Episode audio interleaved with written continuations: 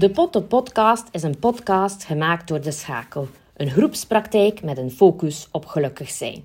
Vandaag is Severien van de Voorde te gast. Severien is dokter in de psychologie, klinisch psycholoog, stress- en burn-out coach, HSP-professional en loopbaancoach. Als academica en docente verdiepte ze zich gedurende meer dan tien jaar in de neuropsychologie en ontwikkelingsstoornissen. Haar onderzoek verscheen in toonaangevende wetenschappelijke tijdschriften en ze schreef wijzer in ontwikkelingsstoornissen, survival gids Wat als je ADHD hebt en wat echt werkt bij kinderen met ADHD. Ze is gespecialiseerd in hoogsensitiviteit, veerkracht, stress en energiebeheer en inspireert hierdoor via haar talrijke boeken, webinars, haar podcast, haar online masterclassen en cursussen en vooral tips en tricks op sociale media. Haar kennis verspreiden is een missie. Maar eerst, wie is Severin van de Voorde nu echt?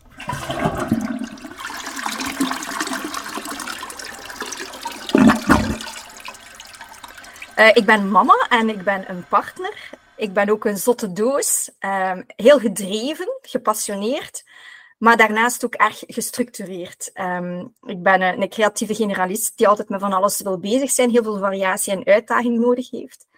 En op dit moment ben ik een, um, een florerende HSP, hoogsensitief persoon.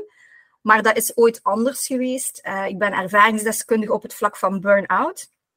En uh, ik heb me dan ook als klinisch psycholoog verder gespecialiseerd in die materie, in hoogsensitiviteit, in burn-out, in stress. Um, en mijn missie is dan ook om die kennis, de juiste kennis, zoveel mogelijk te gaan verspreiden, zoveel mogelijk in de wereld te zetten, zodat mensen de juiste inzichten krijgen en daardoor de passende handvaten. En ik doe dat door um, online te inspireren. Ik ben vooral heel hard online bezig. Maar ook door het schrijven van boeken, uh, onder andere van stress naar veerkracht en hoogsensitief omgaan met stress. Ja, want dat is inderdaad, uh, als ik zo uh, de voorbereiding wat aan het doen was, natuurlijk ken je wel de naam, maar dan ben je bezig en dan zeg je van inderdaad, je bent een zeer bezige bij, je was al een zeer bezige bij. En hoe hou je dan zo de focus op al je project, projecten? Dat vroeg ik me wel af. Ik probeer sowieso een hele goede planning te maken. En uh, ik heb mezelf wel echt leren kennen doorheen de jaren. En als je twee burn-outs hebt gehad, dan komt je op een gegeven moment op het punt dat je denkt van oké, en dit wil ik nooit meer. Dus ik wil het snappen en ik wil dat nooit meer meemaken. En dan heb ik echt wel geleerd om te luisteren naar mijn lichaam.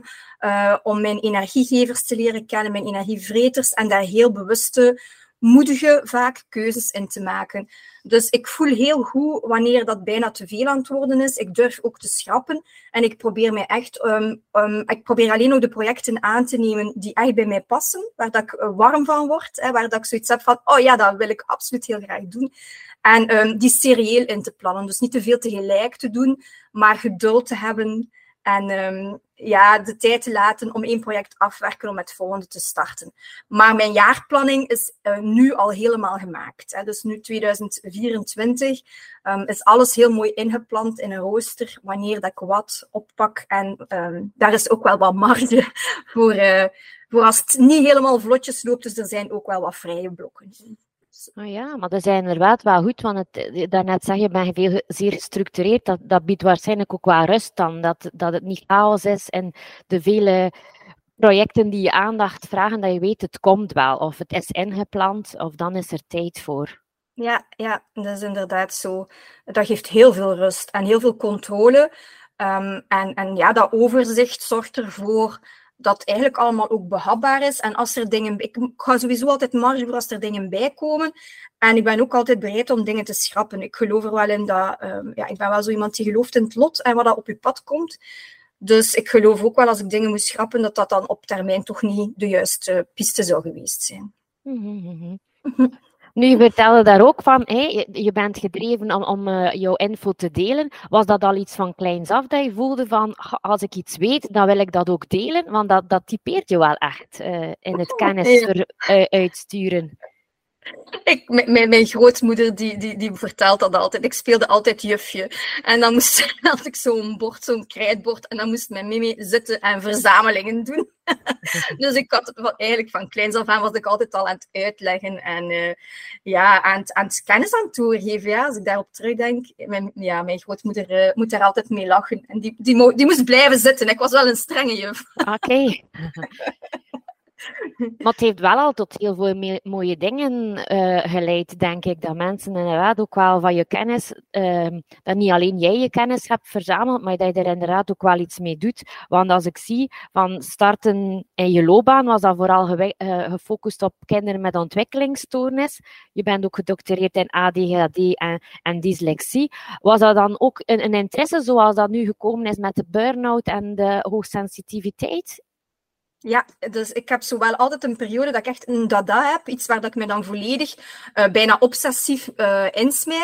Maar ik ben daar dan een aantal jaar mee bezig en dan is dat op. Um, en dat is zowel eigen aan een creatieve generalist, echt volledig uh, met, iets, iets bezig zijn totdat gekend is of totdat vervelend wordt. En dan zou ik vroeger wel bij mijn topic gebleven zijn, omdat ik vond, ja, je zit daar nu, uh, hebt u daar nu in verdiept, dat, dat kan u toch niet zomaar, dat je met iets anders begint.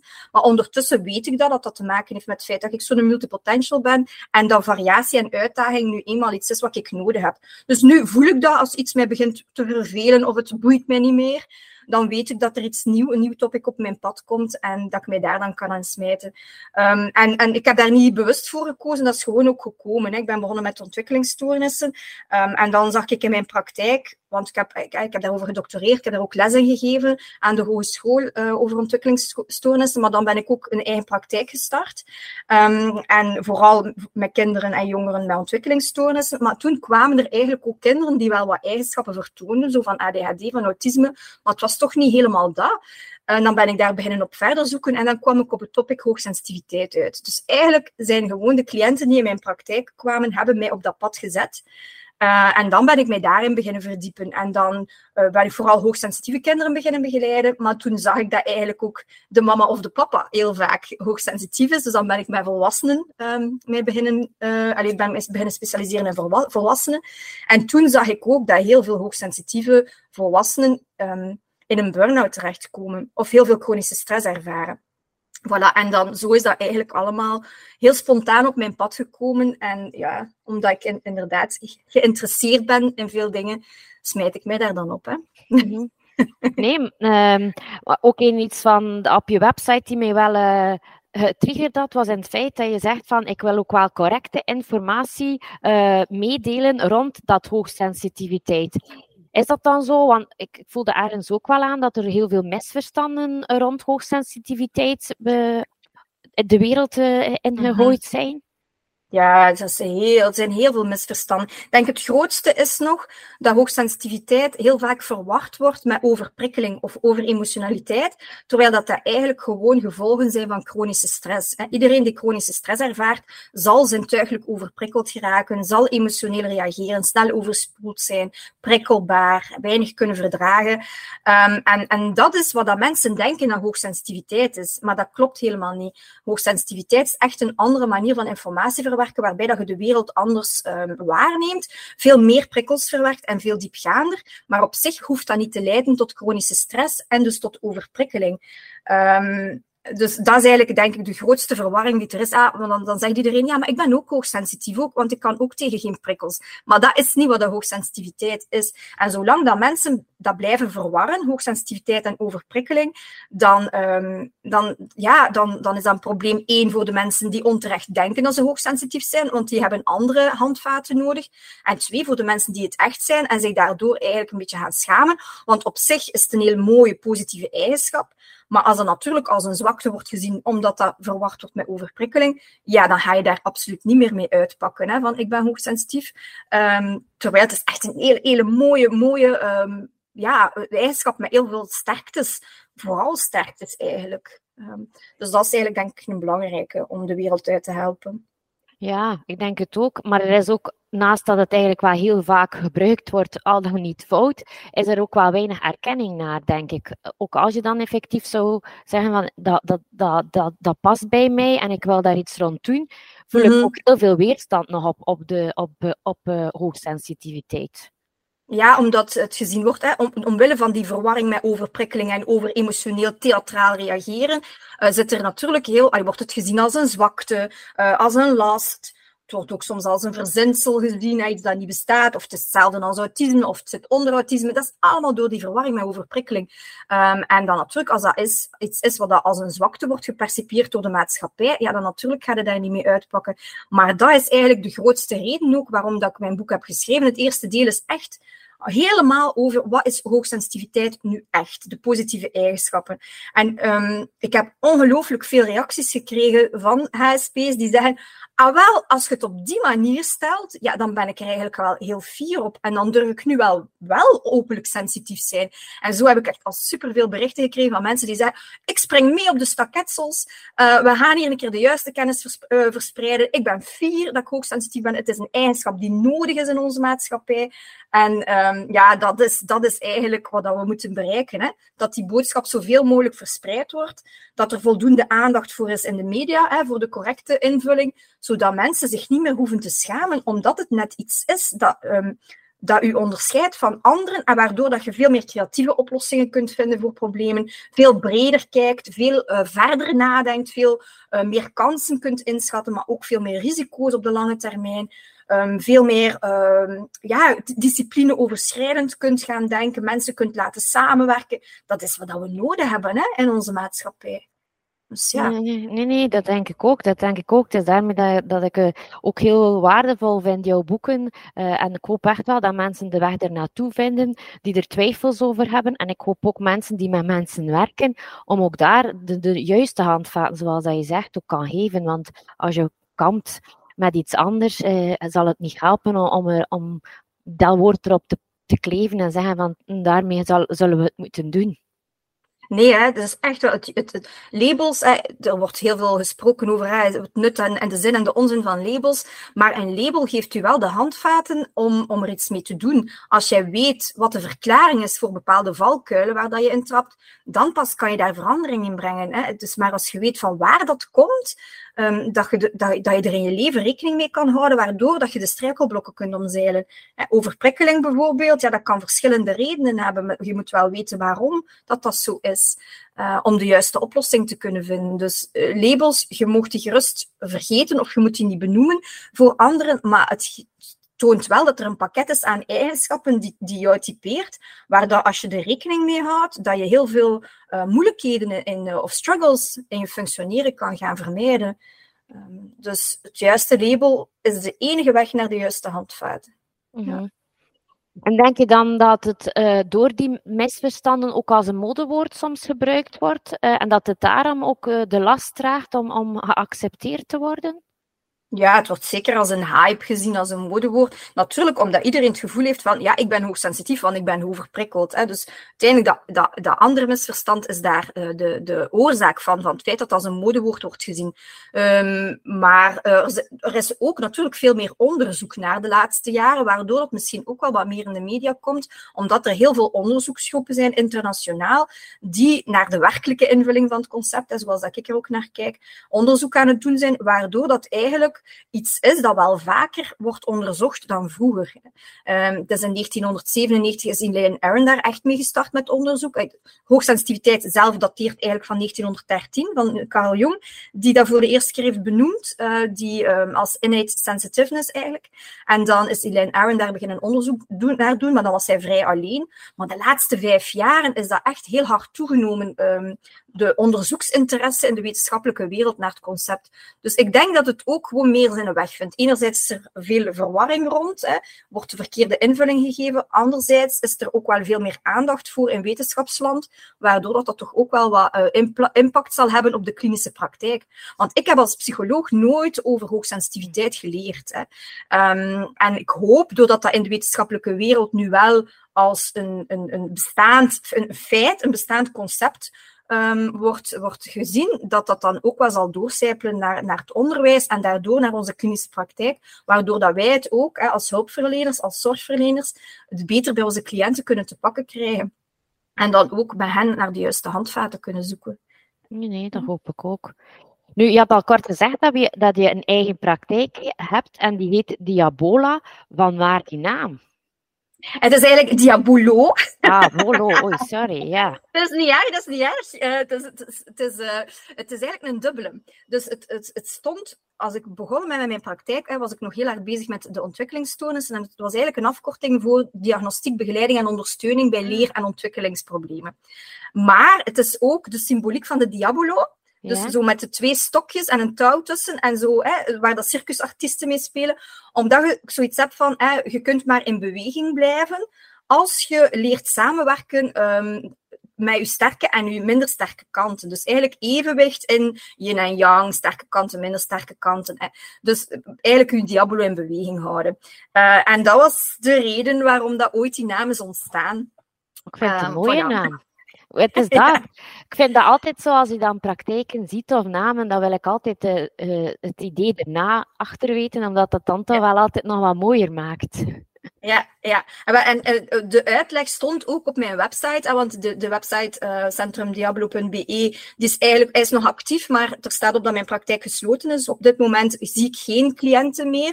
Ik ben vooral online bezig, dus op dit moment is mijn praktijk gesloten. Maar daar stond wel ook heel mooi die uitleg van die Diablo enzovoort en een tekening bij. Maar dat is nu natuurlijk allemaal verdwenen uh, met dat de praktijk nu op dit moment gesloten is.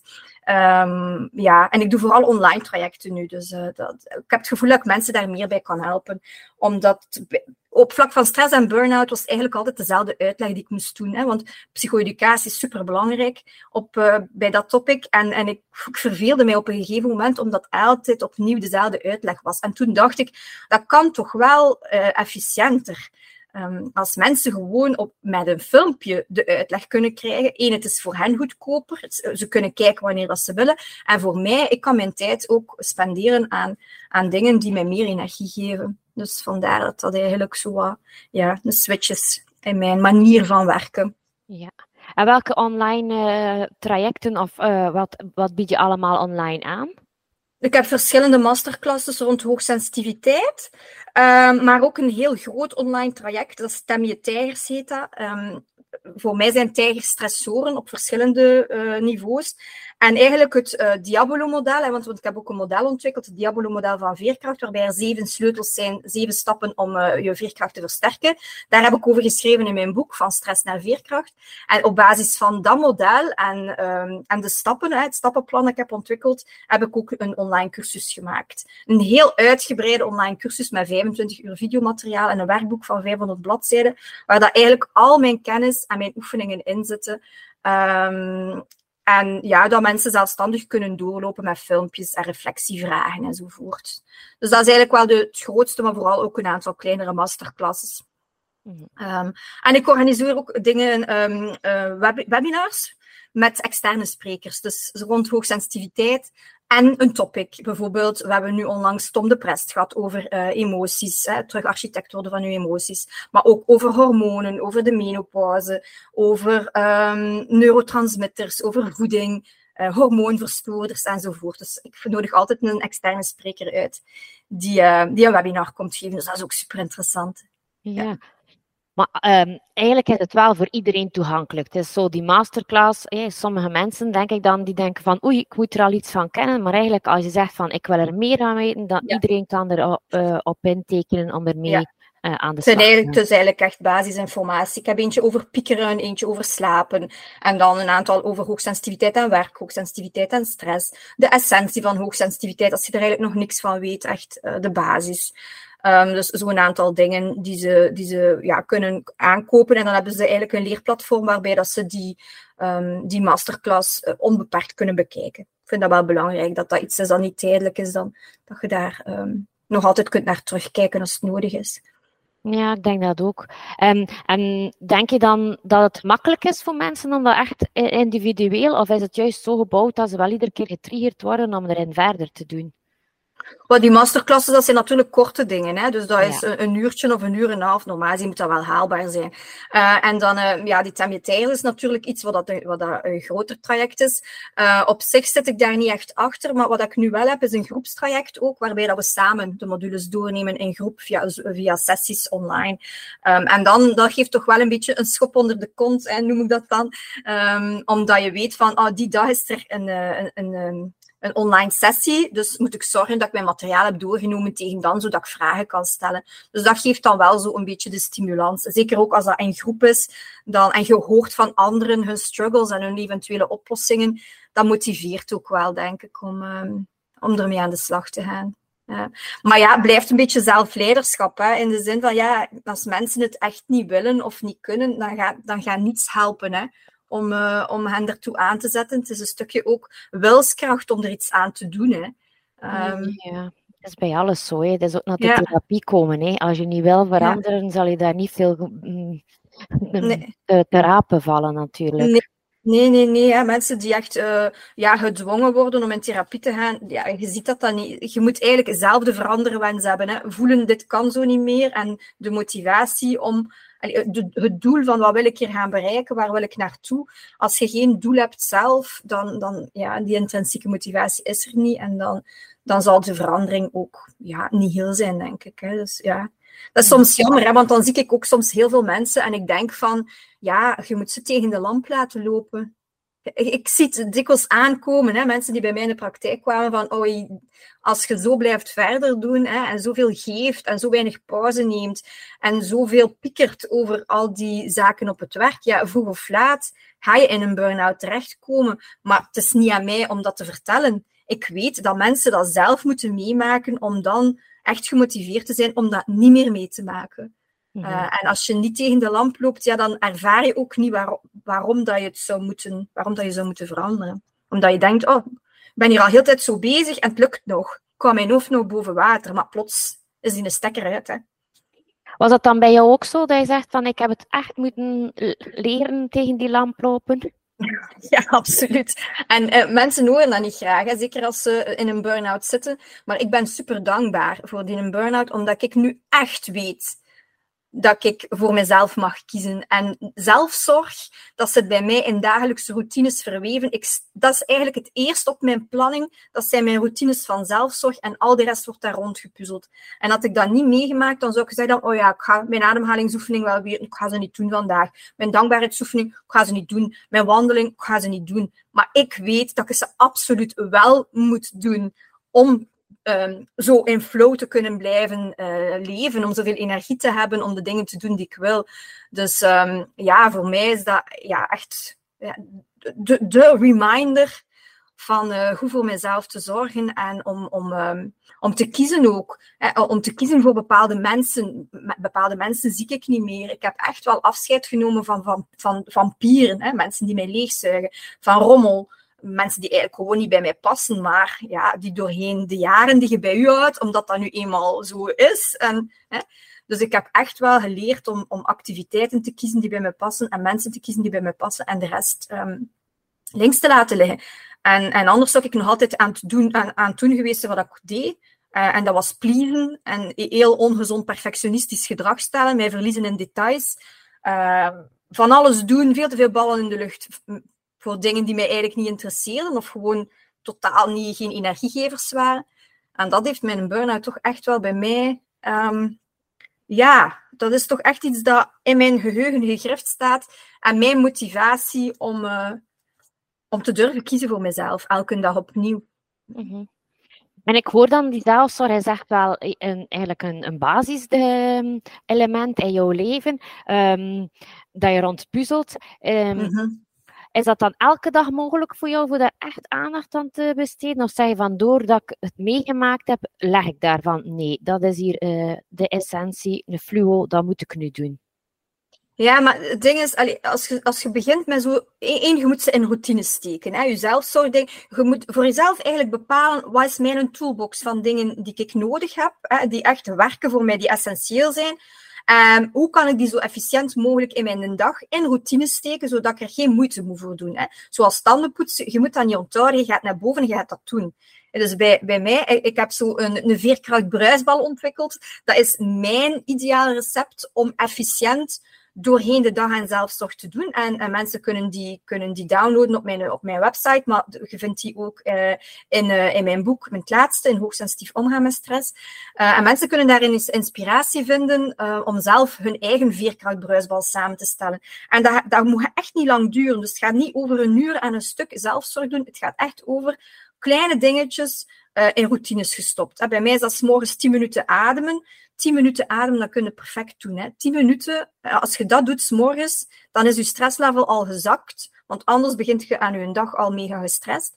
En smiddags doe ik een pitstop. Dus dat is eigenlijk een soort van powernap van 12 minuten op mijn spijkermat. Dus op een acupressuurmat. Dus dat zijn eigenlijk ook alweer twee ingangspoorten tegelijk.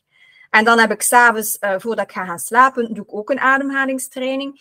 En um, een stretching om mijn spieren hè, te ontspannen. En, om, uh, en een dankbaarheidsoefening. Dus dat zit gewoon in mijn ritueel voor het slapen gaan. Dus oké, dat pakt al niet veel budget of tijd of energie uit mijn, uit mijn dag.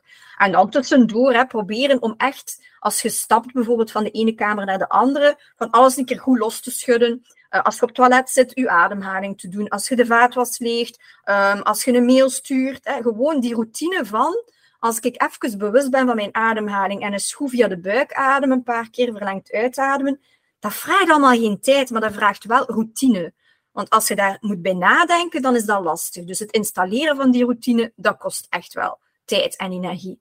Maar ik moet daar niet meer bij nadenken. Mijn lichaam doet dat spontaan. Ik ga spontaan een keer recht staan en een keer alles losschudden. Of mijn spieren stretchen. Of een keer op mijn ademhaling letten.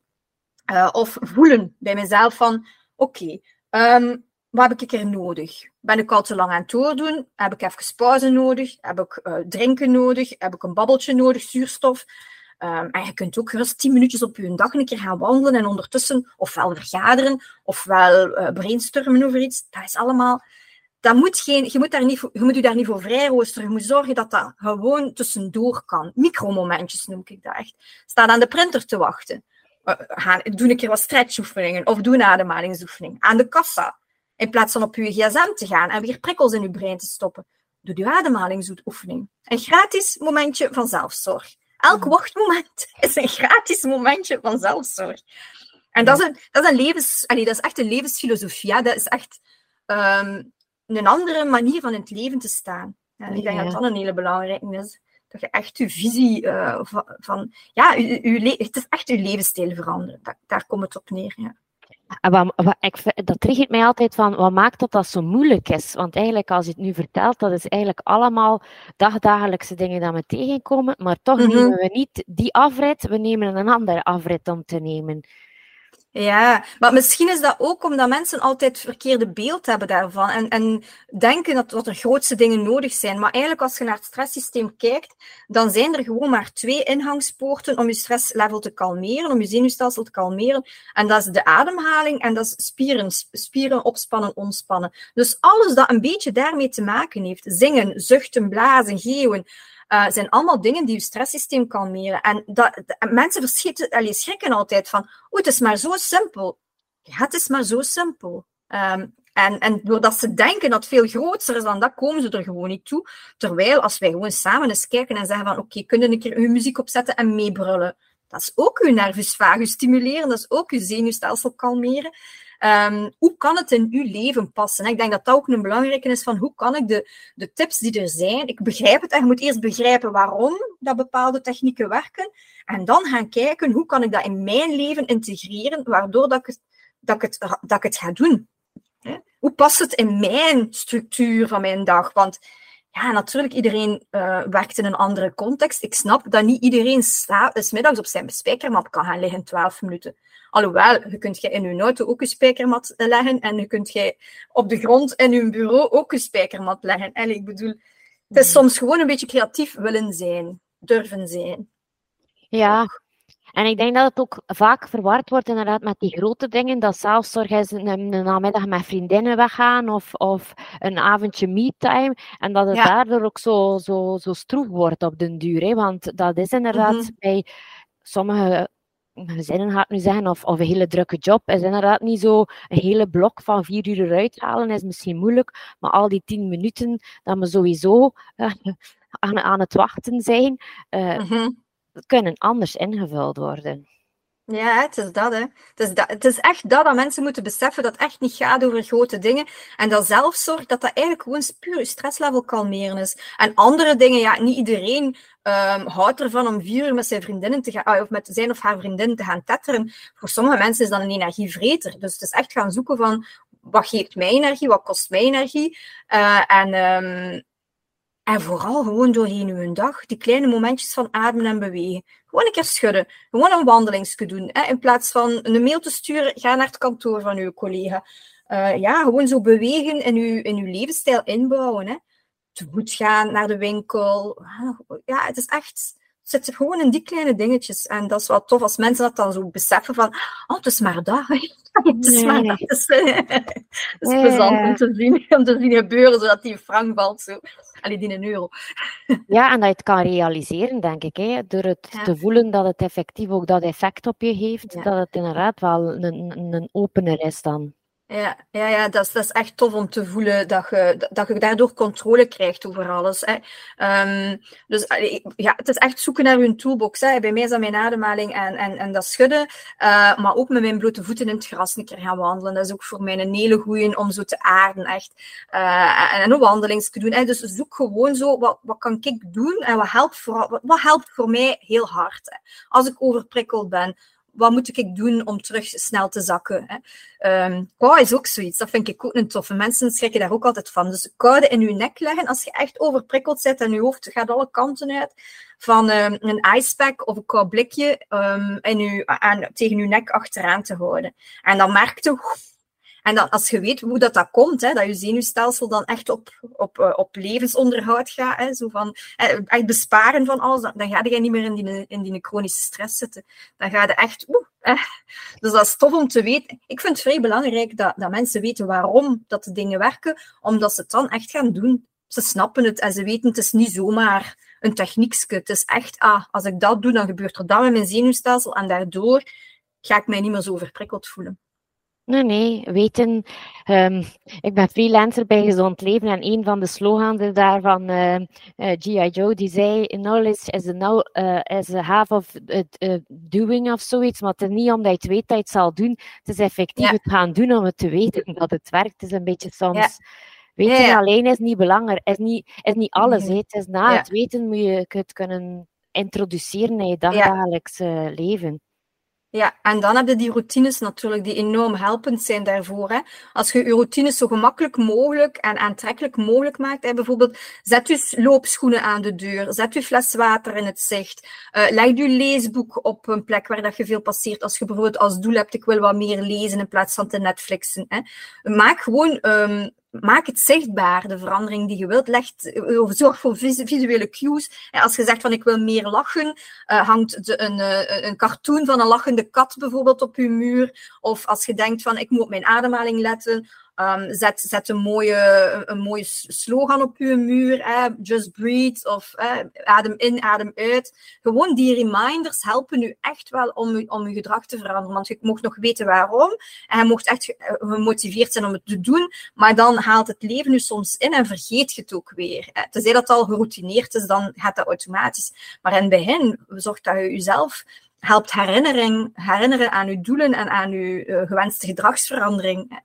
Uh, op, op, de pauzeknop bijvoorbeeld. Hè, dus de pauzeknop is één keer per uur gewoon twee minuutjes nemen om te ademen en om in te checken. Um, maar ja, hoe onthouden dat? Ja, zet u een timer of hangt op uw computerscherm echt letterlijk een pauzeknop. Bij mij is er in mijn toilet hangt er een smiley. En elke keer als ik naar het toilet ga, zie ik die smiley en weet ik, ah, uit mijn hoofd komen, een keer naar mijn lichaam gaan, een keer voelen uh, hoe dat gaat met mij, hè, in plaats van in die rush te blijven zitten. Voilà, mm -hmm. zo. Nee, nee, nee, nee, dat is waar, dat is waar. De kleine triggers. Um, nu, je hebt ook zelf een podcast van stress naar veerkracht en jij houdt het altijd op zo'n maximum 10 minuutjes. Is dat ook zo omdat het behapbaar zou zijn om ernaar te luisteren of zit er daar nog een andere insteek in? Uh, ik heb ook zoiets als de 10 minuten regel. 10 minuten is eigenlijk heel, heel handig om met iets te beginnen. als je denkt van, um, ik moet hier mijn huis opruimen, ik heb geen zin, want het is veel te veel neem jezelf voor, ik doe het 10 minuutjes. En 10 minuten, pff, dat, dat, staat niks voor. En dat maakt dat je eigenlijk gemakkelijker gaat starten ermee. En dan, als je die tien minuten hebt gedaan, is de kans ook groot dat je zoiets hebt van, ah, ik ben nu toch bezig, doe verder. Hè. Maar gewoon om jezelf in actie te trekken, is de norm, de lat super laag leggen eigenlijk uh, heel belangrijk. Hè. Uh, bijvoorbeeld ook bij ademhalingsoefeningen, begint met één minuutje dan ga je dat, dan ga je doen. als je weet van, moet maar één minuutje, voilà, dan ga je dat doen. En hetzelfde met grotere dingen, je moet maar tien minuten doen en dan heb je mijn doel gehaald. En dan ga je gewoon starten. En als je gestart bent, dan gaat het vanzelf. Maar dus bij die podcast vond ik het ook wel belangrijk, omdat dat zijn, dat zijn zo life hacks, um, dat echt inderdaad behapbaar is. Want ik heb soms zoiets van, oké, ik luister heel graag naar een podcast, maar ik kan geen uur aan een stuk luisteren. Um, dus ik moet dat sowieso opsplitsen dan. En dan moet je het natuurlijk onthouden dat je bezig was met te luisteren naar die podcast en, en dat je dat dan niet vergeet. Hè. En dan moet je dan weer een, eh, een reminder ergens hangen, dan, dan plak ik ergens een podcast, uh, een podcast, een uh, post-it. Ja. uh, en zo. Maar ja, je kunt natuurlijk veel meer diepgang brengen met podcasts van een uur. Ik hou daar ook heel hard van, omdat je dan echt de diepte kunt ingaan en soms kunt verbreden. Maar dat is niet de opzet van mijn podcast, omdat um, ja, ik vind dat, dat, er al voldoende podcasts zijn, zoals die van u, hè, die brede thema's aanpakken. En mijn doel was gewoon echt een struggle en een lifehack. Voilà, dat is het concept. Um, en eh, ja, ik ga bijvoorbeeld ook geen mensen uitnodigen, omdat dat dan helemaal niet binnen mijn concept past. Terwijl dat super interessant zou kunnen zijn. Maar uh, voilà, dat is de insteek die ik heb genomen. Dat zijn keuzes die je maakt. Hè? Nee, maar ik vind het wel leuk en ik ben ook leuk dat ik erop gekomen ben. Omdat er inderdaad, bij, zeker als je mensen iets aanraadt, is het soms, oh, het is veel of ik zie het niet haalbaar. Of, en ik vind die tien minuten wel inderdaad voor, ja, ook opnieuw die verandering of gewoon voor naar iets te kunnen luisteren en te zeggen van oké, ik ga er iets mee doen. Want als we weten dat verandering soms zes weken duurt, dan, dan mm -hmm. je een pakje discipline hebben om, om, het, om het vol te houden. En dat je niet zegt na, na drie keer, ja, ik heb het gedaan en het werkt niet. -hmm. En ik denk dat die korte insteken van jou echt wel helder en, en helpend zijn. -hmm. Ja, wel, ik hoop dat. Uh, hij ligt nu wel zo'n beetje stil. Ik ben daar ooit mee begonnen, maar toen kwamen die boeken ertussen. Allee, dus je kunt, dat zijn dan keuzes die ik maak. Maar het staan er wel een aantal afleveringen op. En ik ben zeker van plan om er nog te maken. Ik heb hier een lijst liggen met allemaal leuke dingen. Uh, want uh, ja, ik ben ook zo iemand... Dat ik nog misschien kunnen zeggen in de ook. Ik ben iemand met een zotte doos, maar ik hou ook enorm van humor en van relativeren, zelfrelativering, luchtigheid. Je kunt van alles iets heel zwaar maken. En ik heb dat ooit ook gedaan. Maar dat is toch iets waar ik echt in veranderd ben uh, doorheen de jaren. Ik ben veel lichter geworden. Ik noem dat ook de verlichting. Uh, ik zie helderder, maar het weegt ook allemaal veel minder zwaar. Um, en, daar, daar helpt humor mij wel enorm bij. Dus in mijn podcast is de life hack is ook wel altijd iets, iets grappig. Zo, uh, het zit toch wel altijd iets funny in. En dat vind ik ook wel een hele belangrijke. En dat typeert mij, mij ook wel. En um, ja, veel mensen vinden dat ook wel plezant. Um, ja. ja, tuurlijk, tuurlijk. Het is altijd, uh, humor helpt altijd, zeggen ze. Mm -hmm. uh, nu, um, je zegt zelf 2024 is al uh, zo al volgepland. Wat zijn uh, zo de concrete plannen die je zelf hebt, die je al wil delen natuurlijk voor 2024? Uh, dus ik heb mijn groepstraject dat gisteren van start is gegaan en waar dat we dus een heel jaar samen op weg gaan. Met ik heb, uh, het zijn 66 mensen die ingeschreven zijn, dus uh, we, hebben, ja, we hebben elke maand hebben we een dingen, een, een, een online sessie. Um, en ik heb nog vier boekprojecten op het programma staan. het eerste dat ik ga doen is de derde in de trilogie, dus van stress naar veerkracht hoogsensitief omgaan met stress. En nu gaat eentje zijn over focus. Uh, dus eigenlijk hoe dat je in alle afleidingen van deze maatschappij toch kunt blijven focussen op wat echt belangrijk is. Um, dus dat is dan de volgende. En dan zijn er nog, er is nog eentje over hoogsensitiviteit en nog twee over ADHD. Dus, uh, dus nog heel veel schrijven. Um, en daarmee zit eigenlijk mijn planning al goed vol. Uh, en elke maand een webinar organiseren. Um, voilà. Ik denk dat dat zo een beetje zal zijn. En ik probeer ook echt wel ook voor mijn gezin tijd vrij te maken en voor mijn huishouden. Mijn huishouden bijvoorbeeld, dat, dat zet ik ook in mijn professioneel pakket. En veel mensen doen dat niet, uh, nemen dat er bovenop, maar bij mij zit dat in mijn uren professioneel bezig zijn. Uh, dus Nee, maar is wel, eigenlijk is dat wel goed hè, dat ik ja. een keer meedeelt, want dat is inderdaad zo. Dat is inderdaad ook werken. Hè. Als je aan je huishouden niet werkt, loopt dat, lopen er wieltjes af. Dus waarom zou ja. het niet kunnen in dat pakket zien? Ja, ja, en dat is dan ook de afspraak met mijn man. Ik neem meer op in het huishouden en, en hij, hij werkt meer buitenshuis, maar ik moet dat er niet bovenop pakken. Bij mij zit dat in mijn pakket meegerekend. En dat is ook weer een manier voor ernaar te kijken, maar waardoor dat ook ja, haalbaarder is ook om het in je planning te stoppen. Hè. Ja. Mhm. En minder energie kost, omdat je het niet zo het gevoel hebt van ah, ik moet dat er nu nog bovenop gaan doen, bovenop alles wat ik al doe. Ja. Mhm, dat is waar. Nu, we zijn bijna aan het eind van de podcast en ik vraag altijd aan mijn gasten van wat zou, waar of waartegen zou je graag eens de pot op tegen zeggen? Uh, ja, ik heb me natuurlijk een beetje voorbereid, want ik heb naar uw podcast al geluisterd. Dus ik ken de vraag. Uh, en ik, ik um, heb ook gehoord dat er veel mensen dan wel zo'n beetje uh, ja, uit hun lood geslagen zijn. En daarmee ik dacht, ik ga daar toch een keer over nadenken. En eigenlijk moest ik daar niet lang over nadenken. het is echt de pot op tegen mensen die weigeren, die zo inflexibel zijn, die weigeren om hun mening bij te stellen uh, als er nieuwe informatie, als er nieuwe uh, feiten beschikbaar zijn. Um, hè, van die mensen die blijven vasthouden, terwijl dat je, dat je zoiets hebt van, ja, er is nieuwe informatie. We zijn een keer zo flexibel om dan... Um, om dan bij te stellen, maar die dan weigeren om dat te doen, omdat ze dan misschien door de mand zouden vallen. Of dat, dus zo, over hoogsensitiviteit is dat bijvoorbeeld zo. Er is nu zoveel nieuwe kennis en toch zijn er mensen die bij hoog en bij laag blijven beweren uh, dat dat hetzelfde is als overprikkeling, dat dat niet bestaat, dat dat een modewoord is enzovoort. En daar zou ik kwaad van kunnen worden hè, en de pot op zeggen. Maar gelukkig heb ik dat ondertussen ook geleerd. Um, dat je mensen niet kunt overtuigen. Mensen die niet kunnen uh, alternatieven zien, heeft geen zin van die, te, van die te proberen overtuigen. En ik, ja, ik zeg dan altijd, het heeft geen enkele zin om te proberen een kat te laten blaffen. Dus mhm. stop daarmee, stikt je energie in dingen die wel kunnen. Um, dus meestal kan ik dat goed naast mij neerleggen. Heb ik zoiets van, meningen mogen naast elkaar bestaan. Maar af en toe kan ik daar toch wel een keer kwaad voor worden. Maar nee, ik versta dat wel. Dus inderdaad, ja, of als je iets op de radio dan hoort en dat komt dat soms rechtstreeks binnen, dan denk je, oh jee. Zo, ja. ja. ja. Dat Allee, dat kan toch niet, hè? Of dat zeiden nu toch niet. Allee, of, en dan, dan, we weten wel andere dingen, zo. Maar uh, ja, we zeggen meestal, meestal als ik in mijn comfortzone zit, als ik overprikkeld ben, dan kan, dan kan ik daar kwaad over worden. Maar meestal ben ik in zen-modus en dan kan ik dat begrijpen vanuit mildheid uh, naar de anderen toe, dat hij het niet kan zien, dat hij nu ook eenmaal zijn model van de wereld heeft, waardoor dat hij bepaalde dingen niet kan zien, ook al zou jij zeggen van, allee, nee, dat helpt gewoon niet. Dus daar heeft geen zin om daar energie in te steken. Nee, dat denk ik ook niet. Het is goed dat je dat, ook uh, Nu, mijn, praktijk heet de schakelen en ik probeer altijd de gasten aan elkaar te schakelen. En dan vraag ik een, een, vraag aan de vorige gast. En de vraag was, wat maakt het speelse in jou los en wat doet dat dan met jou? Aha, het speelse. Ja, denk dat, is direct zo die zotte doos die ik uh, ook in mijn volwassen leven uh, nog herken. Ik heb die lang niet herkend. Maar nu, al een hele tijd, heb ik die weer toegelaten. En bij mij is dat vooral muziek. Um, zingen, dansen, onnozel dansen. Hè. Um, en ook, ook uh, dat, dat, dat komt ook onmiddellijk naar boven, dat is de regen. Als het warm is, dus als het zo de zomermaanden zijn en het regent, dan ga ik in mijn blootje in de regen gaan dansen.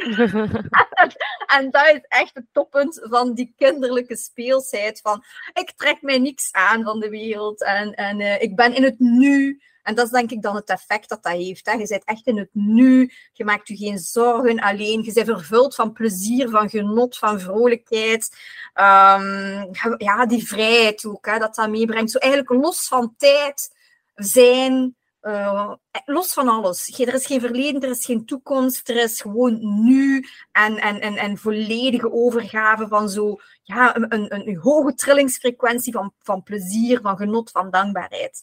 Dat is voor mij uh, het speelse stukje. Dat is wel een heel mooi antwoord, ja, dankjewel.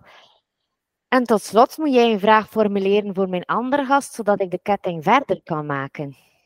Mm um, ja, hoogsensitiviteit is echt mijn topic. Hè, en dat, uh, dat is echt een superpower in de zin van dat gaat echt gepaard met um, heel mooie kwaliteiten die, die uh, mensen vooruit kunnen helpen. Dus mijn vraag is, wat is jouw superpower?